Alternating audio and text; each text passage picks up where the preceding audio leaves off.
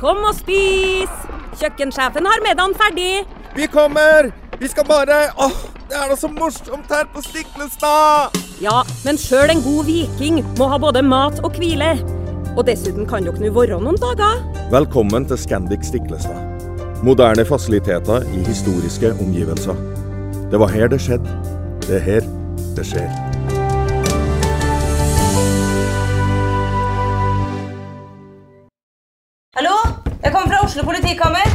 Ine Jansen er purk. Er du purk? The motherfucking bitch. Alt jeg vil, er å finne ut hva som skjedde med mannen min. Jon Carew. Er jeg sikta for noe? Iben Akeli. Det er du. Ole So, Lars Berrum og Big Daddy Karsten. Hvem sin side er du på, egentlig? Anette Hoff, Tone Danielsen, Kommer du fra Afrika? Jørnis Josef, Nesten. Kløfta. Trond Espen Seim, Det er synd å si det, men det var feil mann som døde. Purk. Premiere tirsdag på TV2 Play.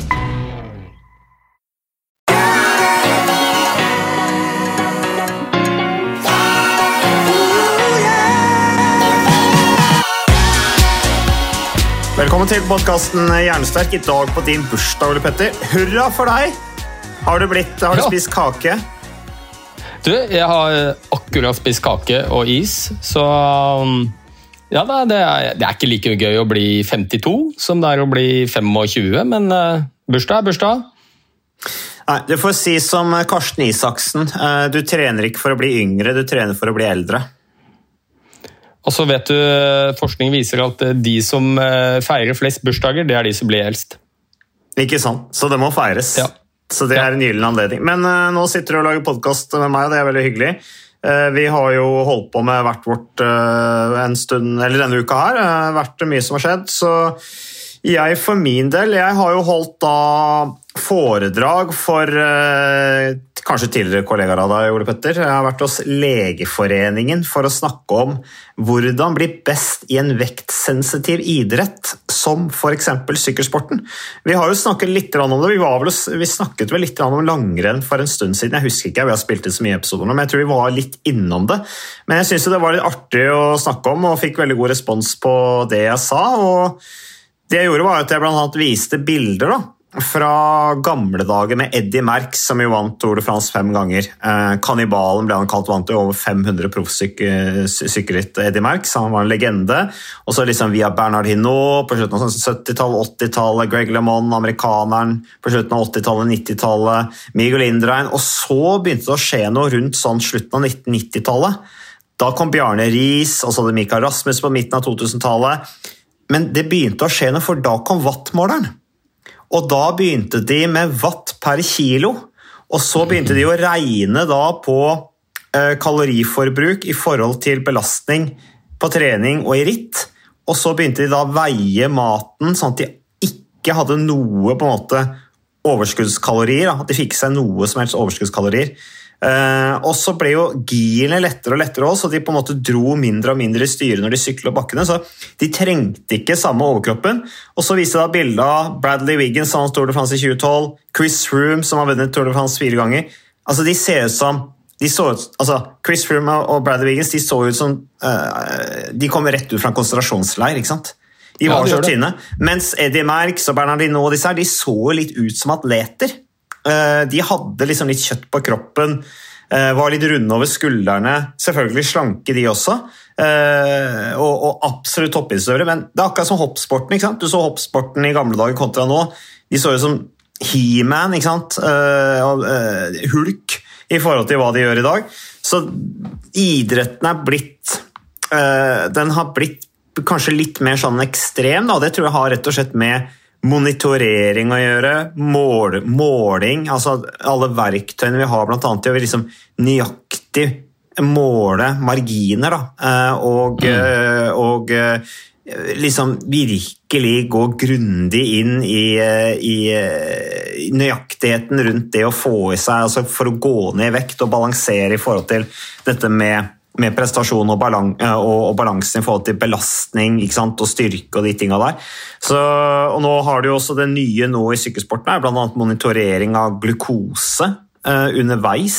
På trening og i sykkelritt. At du sitter en trener bak der, eller du har det på computeren din på sykkel med, hvor du får blodsukkeret opp. at sånn at du skal spise på de riktige øyeblikkene. Ja, ja. Det, det, det, og det kan man si? Da var jeg, da, jeg problematiserte det jo til en viss grad. Eh, og jeg snakket jo om min egen karriere om hvordan vi hele tida ble klippet i sida. Og jeg fikk, hele tida sånn høre fra ledere ja, ja, Mats, nå er det på gang. liksom. Gå ned en tre-fire kilo til, så kommer du til å begynne å vinne sykkelløp. Det var, sånn, det, var, det, var på en måte, det var helt vanlig. Det var en del av hverdagspraten. Alle rytterne snakka om at de var sultne. Eh, Det å gå rundt sulten, det var, det var en del av hverdagen. Eh, Og jeg sa jo til en lege der som spurte meg liksom, hvor omfattende Altså hvor mange ryttere tror du gikk og sulta seg, liksom? Og da sa jeg 90% Men samtidig så sa jeg også at jeg vet ikke om noen kollegaer som har havna på eh, behandling på en institusjon i etterkant pga. anoreksi. Eh, så? Da er jo spørsmålet altså, var man da syk, eller var man bare bevisst eh, og, og, og hadde på en måte en viss sånn kontroll over det man gjorde. Og når karrieren var over, så, så går jo alle opp i vekt igjen, liksom, stort sett. da. Eh, Så, så det, det var artig å snakke med de om det. Mm, og det har vi snakka litt om før. Men eh, vi hadde jo snakka litt om det før vi satt på podkasten her nå, Ole Petter. og ja, Har noe du vil si til det, hvis du hadde vært der? Hadde du rukket opp hånda stilt meg krasse spørsmål? Nei, jeg vet ikke om jeg hadde gjort det, men eh, jeg tenker det er jo en ganske naturlig utvikling når du ser på alle disse idrettene hvor det er veldig mye penger, det er mye prestisje, og så har man i dag veldig gode verktøy hvor du i større grad enn tidligere har veldig kontroll på hvilke parametere er det som påvirker prestasjon. Altså Nesten alt er jo målbart. ikke sant? Vi måler laktat, eh, vi kan måle glukose, vi kan måle ja, altså Det er så mye som er målbart. Og, mm, og når du da kjenner til alle de faktorene som påvirker prestasjon, så er det jo naturlig at man går for disse det, marginal gains. altså At du, du prøver å tyne absolutt alle parametrene for å prestere best mulig. Kanskje i enda større grad enn det man gjorde før. Om det er sunt? Ja, jeg tenker noe Fra et sånt folkehelseperspektiv så tenker vel jeg at uh, toppidrett i disse, spesielt kanskje disse idrettene som, hvor man kanskje må rett og slett anerkjenne at det er en fordel å være veldig lett. Vekt har mye å si. Eh, langrenn, uh, friidrett, langdistanse, sykkel, ikke minst. Så, så er det jo et problem tenker jeg, i en del av disse idrettene at uh, det er mange som utvikler et eh, mindre naturlig forhold til mat eh, og kropp. Mm. Nå har det vært veldig mye fokus på det i, i eh, skimiljøet. Det har det jo akkurat vært en jeg var litt med i den saken for øvrig. eh, Hvor man avdekket at en del av disse tidligere toppidrettsutøverne på kvinnesiden eh, i dag, veldig, veldig mange år seinere, slet med bl.a. veldig dårlig beinhelse. Hadde dårligere beintetthet enn jevnaldrende. Mm. Det husker jeg vi Og snakka om. Flere, osteoporotiske brudd. Og, eh, så jeg skulle jo ønske at det var litt mer åpenhet rundt det. Da. Eh, Og det jeg nevnte for deg før podkasten, var Ingvild Flugstad Østberg, som det har vært veldig mye snakk om, som har fått startnekt, og nå har vel, eh, hun har vel kanskje ikke lagt opp, men hun er iallfall utenfor landslaget, og, og har slitt med helsa. Eh, og jeg vet ikke noe mer enn det jeg har lest i mediene, og jeg kjenner ikke henne, og skal selvfølgelig ikke prøve å stille noen diagnose, men jeg bare undres litt over måten man snakker om det på i skimiljøet, hvordan media snakker om det.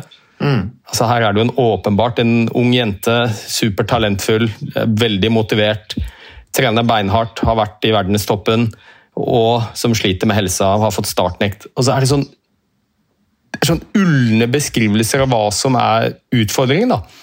Og det jeg hører skimiljøet snakke om, nei, altså det er en ubalanse mellom, mellom næringsinntak og forbruk. Jeg tenker sånn, det, det er jo bare tåkeleggende. Underspist. Eh, ja, det er litt som om du kommer inn på en hjerteavdeling og så sier du jeg sliter litt med en ubalanse mellom oksygentilførsel eh, til hjerte og eh, oksygenforbruk. Vi, pl- vi pleier å kalle det et hjerteinfarkt. Altså at man, jo, men det har litt Jeg har jo veldig tro på det at hvis du skal få gjort noe med det, og kanskje hjelpe kanskje spesielt de yngre utøverne, som kanskje styrer med dette på egen hånd og ser jo sine idoler, hvor, hvor viktig dette med næring og matinntak og vekt og sånn er, så må vi snakke åpent om det.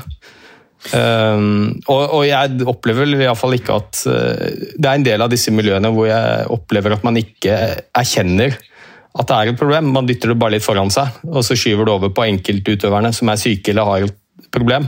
Mm. Men um, ja.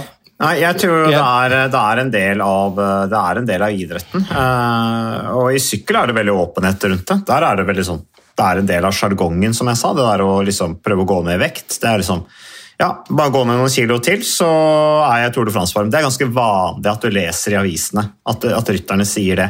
Eh, og Jeg viste også til liksom nå med moderne sykkelsport hvordan de på en måte på de lette etappene, altså rytterne som skal være da kjempe i sammendrag i fjellene og sånne ting, altså de spiser annerledes på de flate etappene hvor de forbruker mindre energi, eh, og gjerne mye mindre karbohydrater også, for å få en sånn boost. da, hvor de da fyller på med en sånn superkompensasjon, men fyller på med ekstra karbohydrater da, inn mot de virkelig viktige etappene.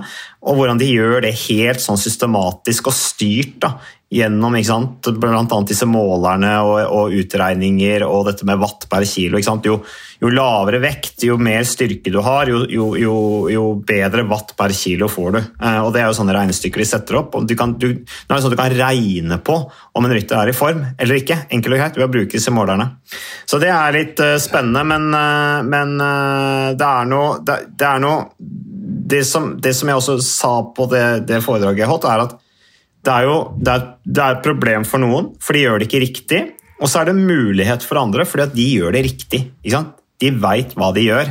Eh, de gjør det korrekt, dette med, med balansen da, mellom riktig kosthold og, og, og, belastning i hverdagen. Da summen av all trening og hvile og reiser og alt dette her. Så, så, så, da er det klart, noen fikser ikke, noen gjør det dårlig eh, og taper på det. Andre så er det konkurransepartiet, for de veit hva de driver med, og de har også et apparat rundt seg som, som sørger for at dette blir gjort på en skikkelig måte. Så, ja, og det, ja. og det er jo et viktig poeng. Eh, jeg tenker for kanskje de som er helt i toppen, som har et solid støtteapparat rundt seg. Det kan være klinisk ernæringsfysiolog, det kan være leger. Eh, så er det nå én ting, men eh, jeg tenker mer på de som er unge, som ikke har den typen eh, støtteapparat rundt seg, som har lyst til å bli gode, mm. og som kanskje begynner å tukle med dette på egen hånd. Mm. Eh, altså rett og slett spiser for lite fordi de vet at eh, det gjør at man går ned i vekt, og iallfall på kort sikt kanskje presterer bedre. Ja, og Det tror jeg også er en årsak til at skimiljøet eh, sliter med å kommunisere dette her på det vi oppfatter som en ærlig måte. da Eh, det er rett og slett signalene. De er livredde for å sende signaler nedover i grasrota, særlig til unge utøvere, og da bli beskyldt for eh, å, å, skape liksom, dårlige holdninger da, rundt dette med ernæring blant yngre. Så jeg tror det handler veldig mye om det, at de rett og slett ikke, ikke vet hvordan man skal kommunisere dette her på en, på en ærlig måte. For det er, det er et behov for å, for å være åpen om, om, om toppidrettens eh, litt sånn vanskelige side da, når det gjelder, eh, gjelder ernæring. Så, så, det er noe så. Men uh, Ole Petter, um, det var det. Vi skal ikke snakke så veldig mye mer om det. Jeg løp Holmenkollstafetten i helga, forresten. Det var veldig mange andre som gjorde Hvor mange er det som deltar på Holmenkollstafetten? Du har sikkert løpt det sjøl? Du, det pleide å være sånn veldig mange år etter jeg sluttet som veldig aktiv løper, så ble man jo ofte invitert med, for det var noen som visste at her er det en som kan løpe. Så det var jo alt fra bedriftslag til studentlag. Og... Men eh, de siste fem årene så er det ingen som har spurt meg, gitt. Nei. Så du har ikke vært nå, med siste årene? Nei, men, nei, jeg har ikke vært med de siste årene, men jeg har sikkert en 20, 20 Holmenkollstafetter jeg har vært med mm. på. Og løpt alt fra én etappe til uh, syv, tror jeg, Passion, på, på en lørdag. Det er imponerende. Syv etapper. Ja, det er bra. Jeg hadde til og med, hadde til og med en gang uh, sjette etappe som uh, Besserud-etappen. Ja, det er syvende nå. Ja, det, det er syvende. Det har sikkert mm. bytta litt. Og så uh, måtte jeg da Nei, unnskyld, jeg hadde femte. Opp til Slemdal, til, uh, til starten av Besserud-etappen. Mm. Og så var det en kollega av meg som løp Besserud-etappen, men så måtte jeg ha åttende eller niende etappe. Oh. Og det, da var det jo ikke så godt om tid, da. så da tror jeg vel nesten jeg løp like fort for å rekke til veksling for å nå til gressbanen, så da um, var jeg vel vel så sliten av den transportetappen som av selve etappen. Men, Men Holmenkollstafetten er alltid gøy. Det er, og det er en fantastisk folkefest. Det er jo virkelig bra for folkehelsa. tenker jeg. Det er utrolig gøy og kjempeengasjement og alle slags eh, former og fasonger som løper der, og de har det gøy, og det er mestringsfølelse og det er lagfølelse. Utrolig moro. Eh, og så er det ofte en bakett etterpå, så det, det er bare å, å anbefale folk å være med på. Det er en opplevelse. Jeg tenker Det er sånn du må ha på bucketlisten din. da, Vært med i Holmenkollstafetten. Så jeg hadde med meg ungene, de ble kjempeinspirert. Eh, Men det som skjedde, Petter, var at det var en fantastisk flott eh, maidag, og det er jo en stund siden jeg har tatt i hardt. Altså, jeg vant jo liksom første konkurransen man kjørte for sesongen. Da fikk man ofte litt sånn vond hoste og hosta slim og sånn, så jeg, jeg veit at det kan komme en reaksjon etter at du liksom har tatt i skikkelig konkurranse første gang. Men det som skjedde meg, at jeg, jeg, jeg, som når jeg kom i mål, så begynte det å renne av nesa, jeg begynte å nyse. eh, Og, og måtte snyte meg hele tiden. Og Det var en, rett og slett som en allergisk reaksjon. da. Så jeg tror, tror jeg løp på meg rett og slett en allergisk reaksjon. Og jeg har jo ikke noen allergier, så jeg var liksom overraska over det. Jeg har aldri opplevd lignende noen gang. Kan, det, kan jeg løpe på meg pollenallergi i løpet av denne Besserud-etappen i Holmenkollstafetten? Ja, jeg tviler på at du har løpt på deg en pollenallergi. Eh, Det er litt vanskelig å se for seg, kanskje. Men la oss si at du er litt, litt overfølsom for pollen, som jo en del er. Kanskje uten at det nødvendigvis eh, slår ut på en allergitest hos legen. Og var det bra vær? Det var sol, var det ikke det? Var nydelig. Mm. Det var nydelig. ja. Ja.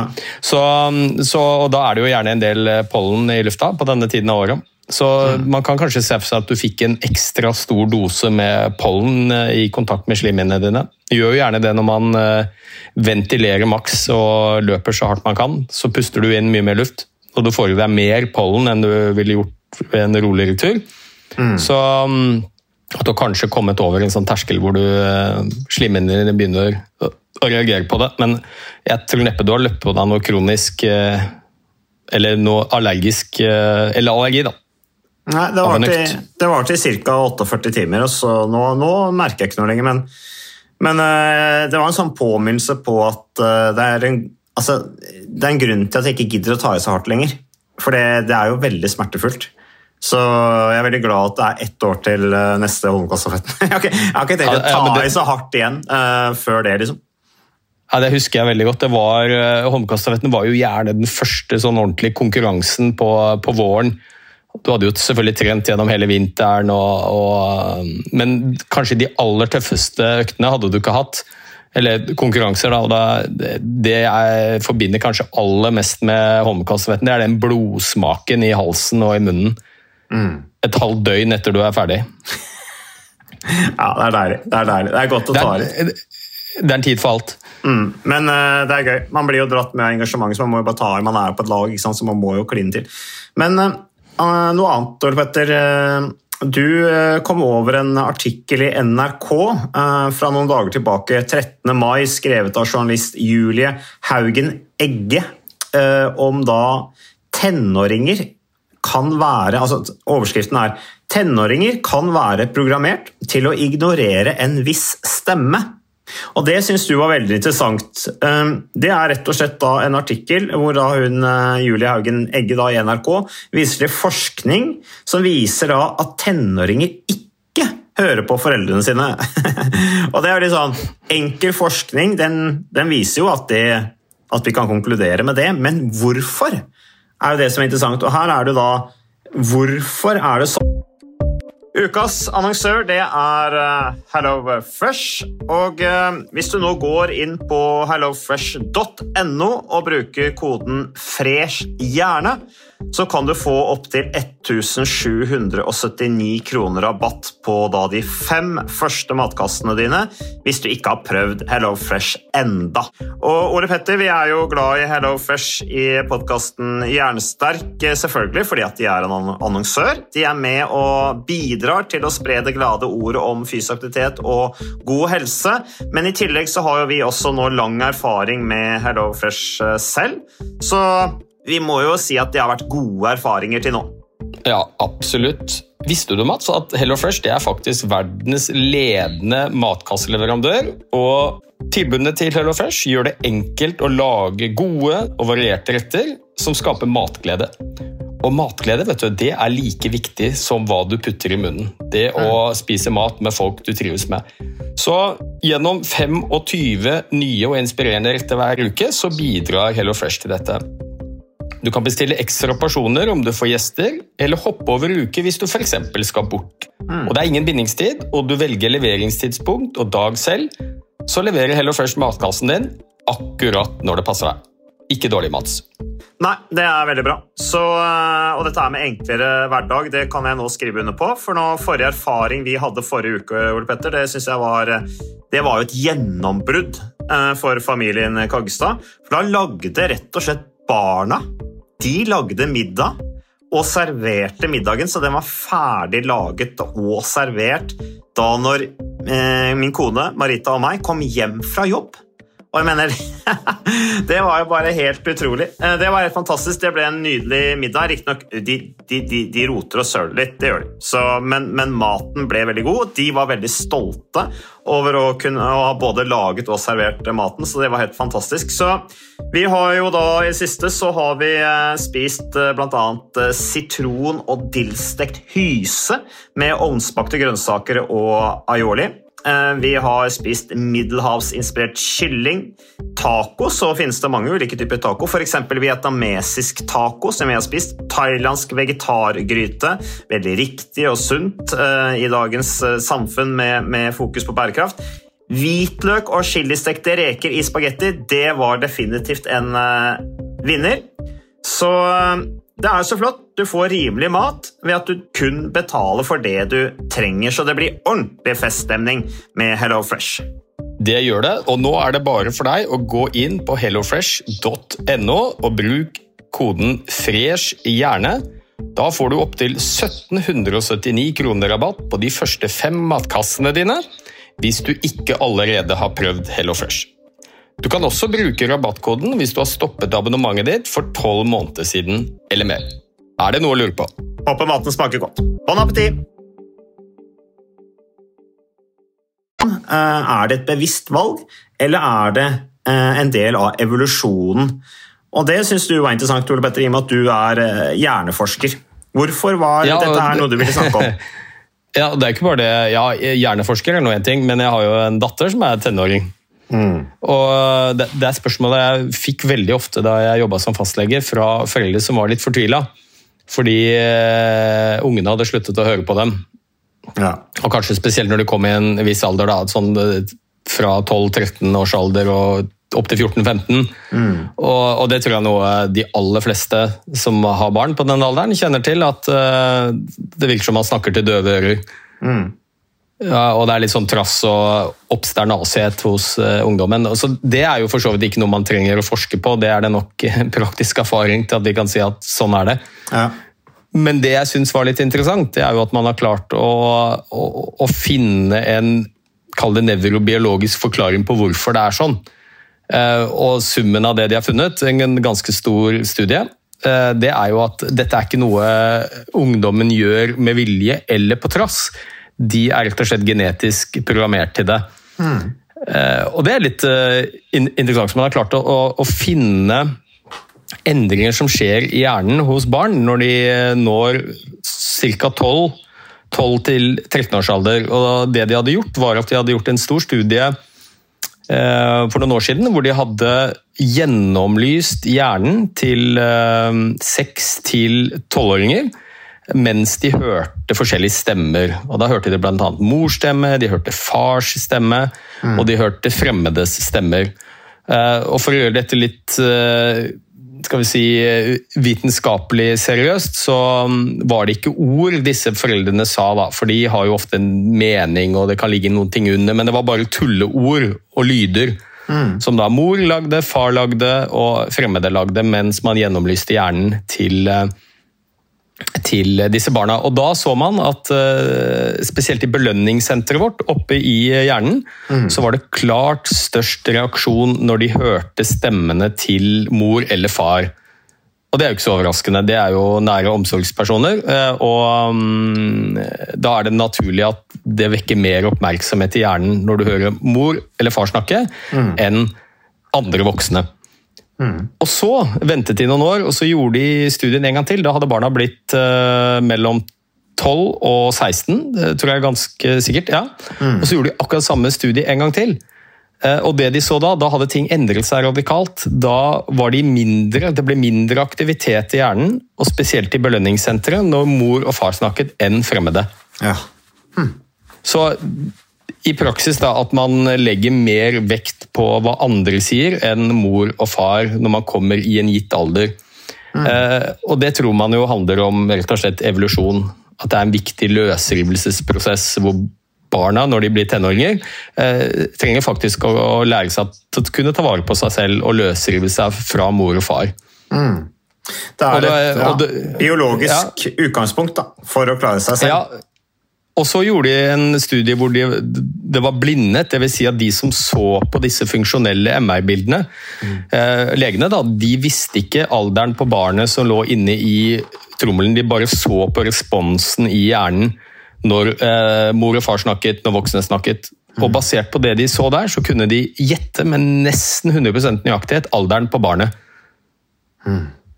Fordi de så da med en gang det begynte å bli mindre aktivitet eh, når mor og far snakket, så var barnet sannsynligvis mellom 12 og 14 år. da. Så mm, jeg tenker det kan jo være en grei eh, beskjed det til foreldre, at hvis eh, tenåringsdatteren din eller sønnen ikke hører på hva du sier og mm, syns du bare er teit, så er det helt normalt. Det er ikke noe de gjør på trass for å være vanskelige, de er genetisk kodet til å være sånn, og det er faktisk et godt tegn. Det er et tegn på at du har barn som utvikler seg normalt og er i ferd med å bli voksne. Og det er sånn å ta vare på seg selv. Og da er det en eh, naturlig prosess å være kritisk og eh, kanskje legge mer vekt på hva andre sier. Søke mer utad enn innad i familien. Ja, altså jeg, blir sånn, jeg tenkte litt på min far, jeg, som, eh, som jeg husker sa til meg en gang at eh, ja, når du er trener, så er den viktigste, din viktigste oppgave som trener det er å bli overflødig. Det minner meg, Jeg får liksom assosiasjoner til det du snakker om nå, Ole Petter. Det der å frigjøre seg fra treneren. At fattern så på sin oppgave som trener, det var det å hjelpe utøveren til å bli selvstendig og kunne sette opp sine egne treningsprogram, så da utøveren forhåpentligvis en dag kunne si til da fatteren vet du hva, jeg trenger deg ikke lenger, jeg fikser dette her sjæl. Det er jo litt det samme, vi ønsker jo selvstendige barn. Vi ønsker jo å på en måte gi barna frihet og kunne gjøre erfaringer som de vokser på og blir selvstendige, som gjør de selvstendige. Eh, Det er jo veldig usunt med barn som Eller veldig ungdommer, altså ganske store voksne som er mammadalter. Er- altså jeg, vil jo ikke ha en sønn og en datter som eh, er altfor lydige heller, som kanskje jeg skal være litt forsiktig med hva jeg sier her nå, men, men eh, det er jo litt opposisjon til foreldra. Det det det er jo sunt, eh, men det som er viktig, er jo at de får gode rollemodeller da, eh, når de, i den fasen hvor de løsdriver seg fra mor og far. Da. Det er jo det som er viktig. Da blir de mer mottakelige for andre stemmer. Ja, så det er litt viktig til hvilke stemmer man hører til, mm. utenfor, eller hører på utenfor familien. Nei, Det er jo selvfølgelig sånn at alle, alle foreldre ønsker jo at barna skal bli selvstendige og skulle klare seg selv, men eh, det kan jo være en ganske smertefull prosess og litt tøft når man har tenåringer i hus. Men det er altså ikke tenåringens feil. Dette er helt naturlig. Det er en del av biologien. Det, det gjør det kanskje litt lettere å leve med. Men man sier jo gjerne, særlig for jenter, da, når de kommer i en viss alder, så sier man at det er hormonene som løper løpsk. Det er jo sånn vanlig at man sier da. Eh, Men det er ikke Er dette her snakk om hormoner, Ole Petter, eller er det snakk om liksom, strukturelle endringer som skjer i hjernen med alderen? Hva, hva tenker du om det? Ja, det, jo, det har jo vært en sånn gjennomgangstone i alle år at eh, når ungdommen eh, eller tenåringene kommer i den alderen, så skjer det en del hormonelle forandringer, eh, både hos gutter og jenter, kanskje aller størst hos jentene. Og man har tenkt at kanskje det har vært en årsak. Men i dag så tror man mer og mer at noe av det som karakteriserer da de yngste hjernene, altså, eller nå snakker jeg om tenåringshjerner da, sammenlignet med voksne, det handler ikke f.eks. det å ikke har helt samme evne til å se konsekvens av handlinger.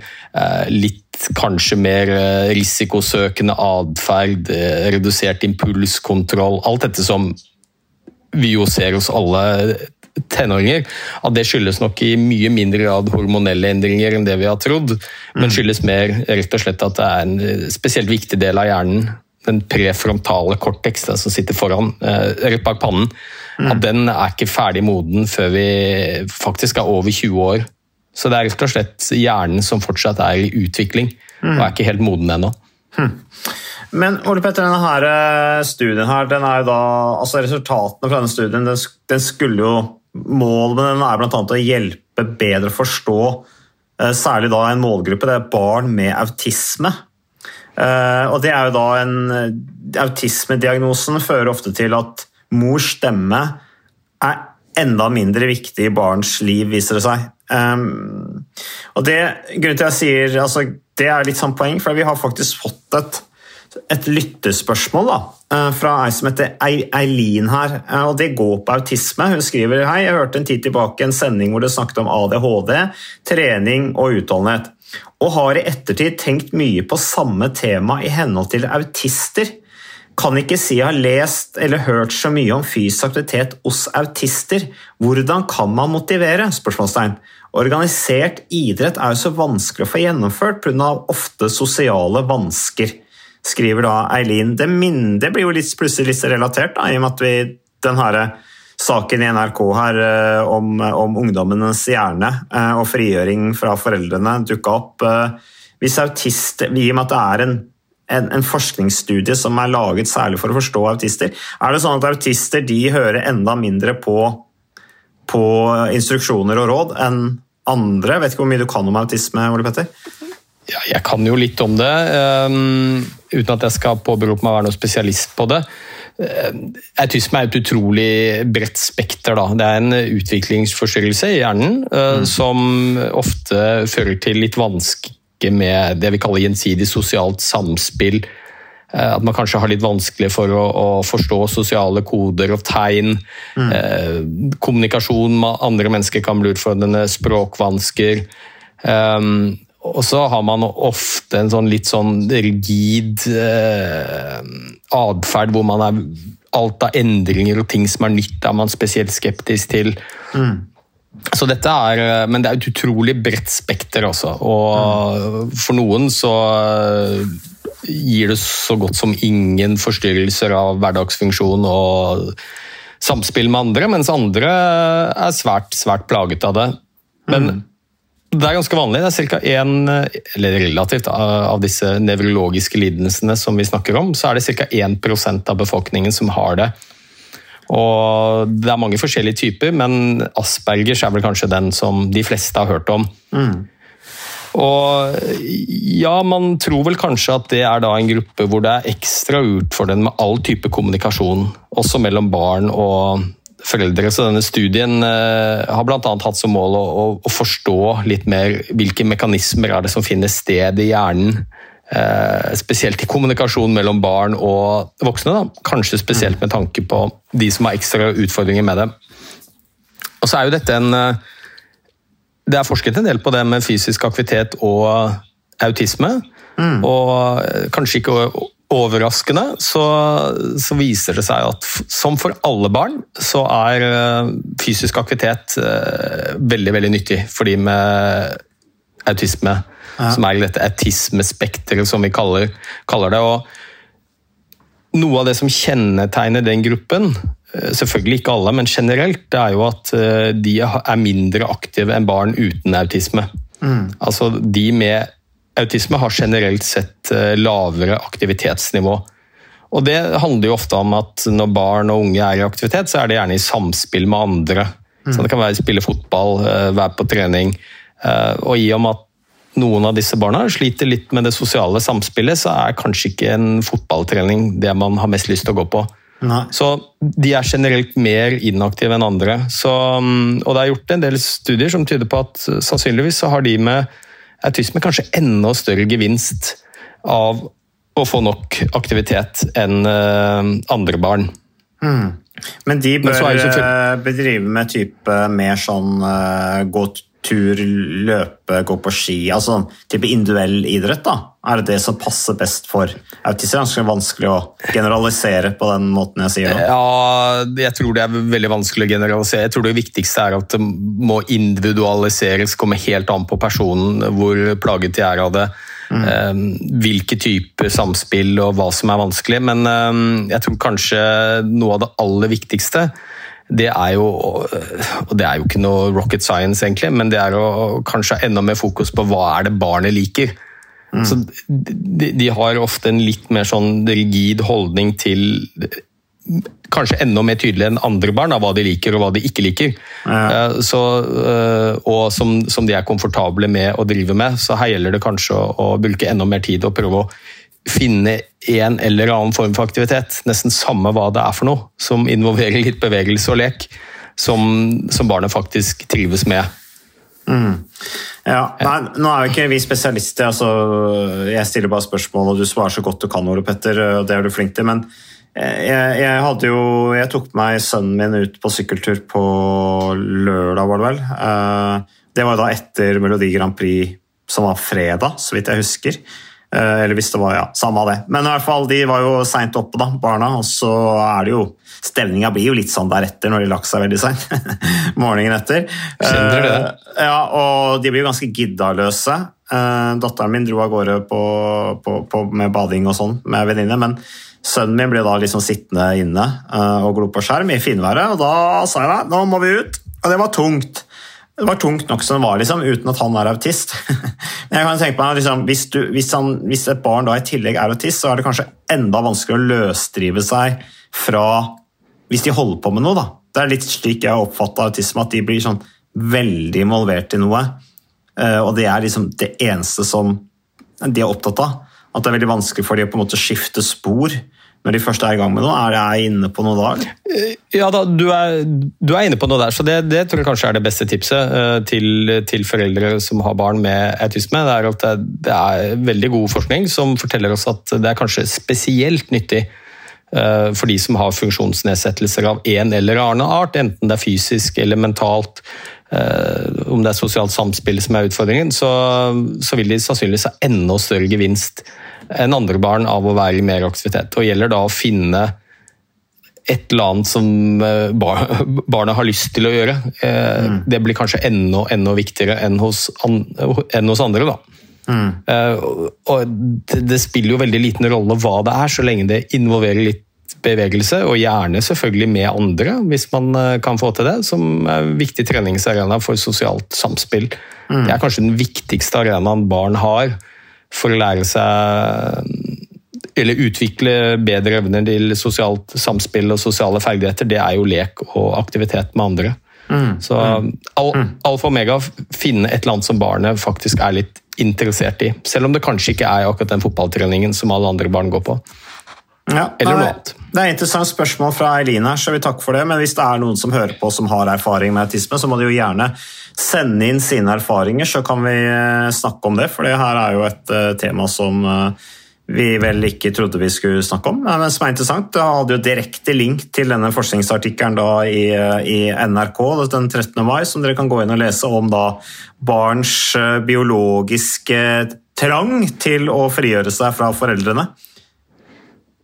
Ja, jeg har jo bare lyst til å påpeke at dette er jo da ikke en artikkel som er originalt, eller original, originalt, eller en original Aftenposten-artikkel. Dette er jo en forskningsartikkel som er blitt gjenfortalt i Aftenposten. Den er publisert i det veldig anerkjente tidsskriftet Journal of Neuroscience. Bare så det er sagt, så det er jo da en journalist i Aftenposten som har skrevet om den. NRK, Så gjør mener det du? litt mer Ja, unnskyld, NRK. Jeg sa Aftenposten. Mente NRK. Ja. Ja. Nei, så det er gjengitt, og da blir det jo ofte litt sånn Det blir jo litt fragmentert, da, for å bruke et, et uttrykk. Men uh, også litt lettere å forstå. Men Ja, ja, det er jo journalistens jobb selvfølgelig å gjøre det leselig for, eh, for, eh, for mannen i gata, for å bruke det uttrykket. Det liker vi også, å gjøre ting forståelig for folk flest. Uh, Skulle nesten tro vi var politikere, Ole Petter. Uh, Men Vi, eh, vi kommer tilbake vi, med mer eh, Jernsterk. Så får du gå tilbake du også, Ole Petter, og fortsette å feire bursdagen din. 52 år gammel, det er bra, Ole Petter. Du holder deg godt, altså. Det skal du ha. So far, so good. Takk for at eh, du lytta på podkasten Jernsterk. Vi er tilbake med mer neste uke.